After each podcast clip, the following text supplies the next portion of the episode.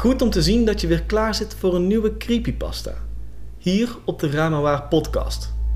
Dit is de plek waar ik al mijn YouTube video's upload, zodat je ze kunt luisteren zonder dat je een scherm nodig hebt. Voor als je bijvoorbeeld onderweg bent.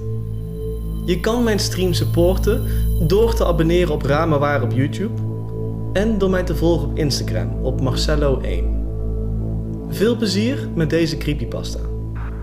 Het was december in het jaar 1999, toen ze ons doodnormale rijtjeshuis voor het eerst infecteerde met haar aanwezigheid. Mijn vader riep me naar beneden. Ik nam aan omdat we gingen eten.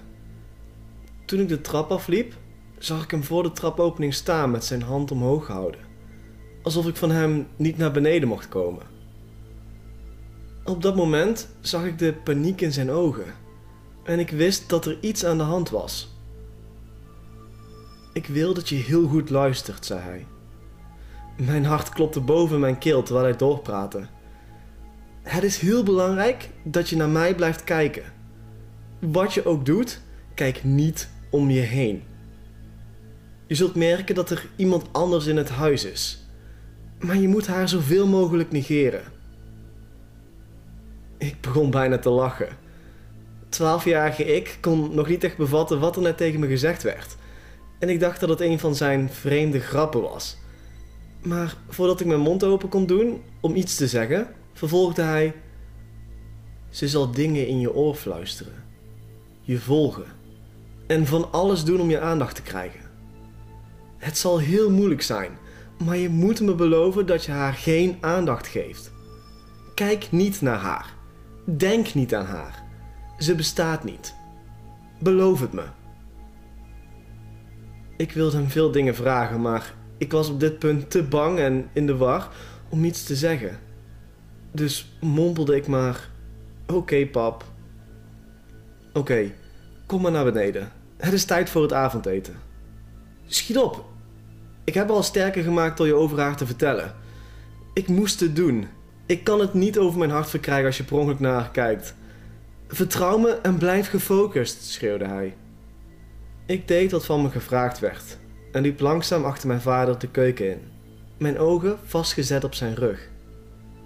Zodra ik de keuken inliep, merkte ik dat de temperatuur in de keuken een stuk lager was dan daarbuiten. Ook rook ik een bekende stank. Zo'n geur die je ruikt wanneer er een dood dier al een aantal dagen ligt te rotten en te stinken. Mijn vader ging aan de tafel zitten en ik zat tegenover mijn zus. Haar hoofd was voorovergebogen en haar haren vielen over haar gezicht. Mijn moeder zette de pannen op tafel. Haar ogen waren rood en opgezwollen. Ik bleef gefocust naar mijn zus en ouders kijken, maar in mijn ooghoeken zag ik haar.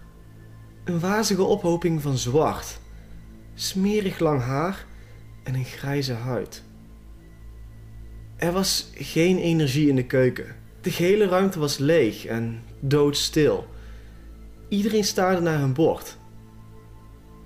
Mijn zus greep mijn knie onder de tafel vast en fluisterde in mijn oor: Je kan haar ook zien. En ik knikte. Stilte, sliste mijn vader. De vrouw in de hoek stapte plotseling naar voren, met natte, krakende voetstappen. Je werd misselijk van de lucht die om haar heen hing. Ze stapte naar de tafel en stopte precies achter mijn zus en bleef een aantal centimeter achter haar staan. Plotseling legde ze haar uitgeleefde hand op de schouders van mijn zus neer. Het gezicht van mijn zus trok meteen wit weg. Ze begon te hyperventileren en ik keek abrupt weer naar mijn bord. Mijn vader schepte het eten op en ik zag door de glazen tafel heen hoe hij de hand van mijn zus stevig vasthield om te voorkomen dat ze een inzinking had. Mijn zus had tijdens het hele avondeten die skeletachtige hand op haar schouder liggen. Bijna niet te horen gefluister klonk uit de mond van de vrouw en vulde de kamer als witte ruis. Dit is hoe we leefden voor maanden. We deden ons best om een normaal leven te leiden, ondanks de altijd aanwezige niet uitgenodigde gast. Zelfs wanneer we van huis weggingen, wisten ze ons toch nog altijd te volgen. Het maakte niet uit of we alleen of bij elkaar waren. Daar was ze dan. Altijd. Zaten we met z'n vier in de auto, dan zag je haar in de achteruitkijkspiegel aan de kant van de weg staan. Mijn ouders verboden het om af te spreken met vrienden en we mochten ook niet naar onze vrienden toe gaan voor een aantal maanden. We waren in staat om haar aanwezigheid fluisterend te bespreken als we merkten dat ze niet te dicht bij ons stond. Mijn vader liet ons beloven dat we met niemand mochten praten over haar aanwezigheid. Dit was namelijk de enige manier om haar te verjagen. De aandachtsparasiet. We kwamen tot de conclusie dat ze maar één huishouden per keer deed infecteren met haar aanwezigheid.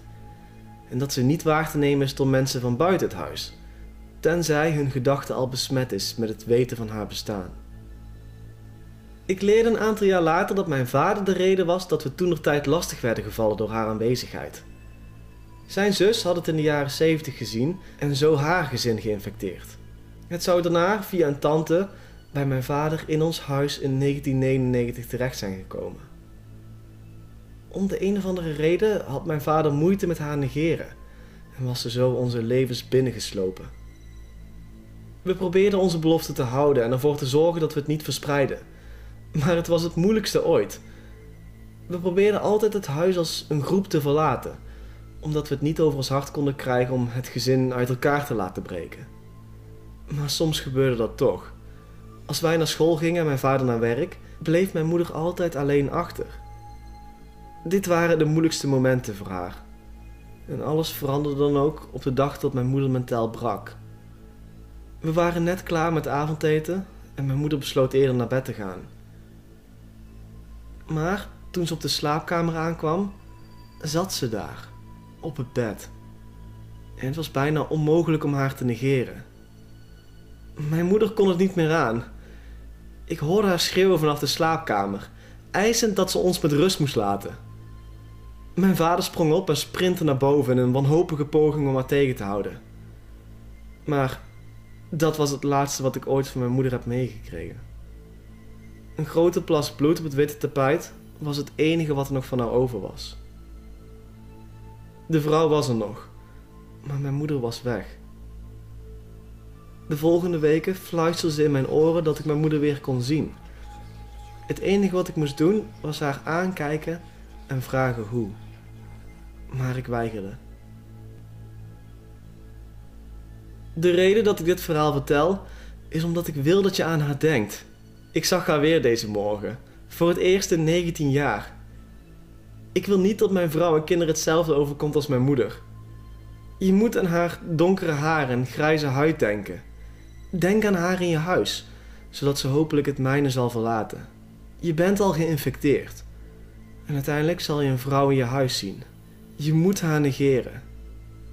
Het is voor je eigen bestwil. Het spijt me zo.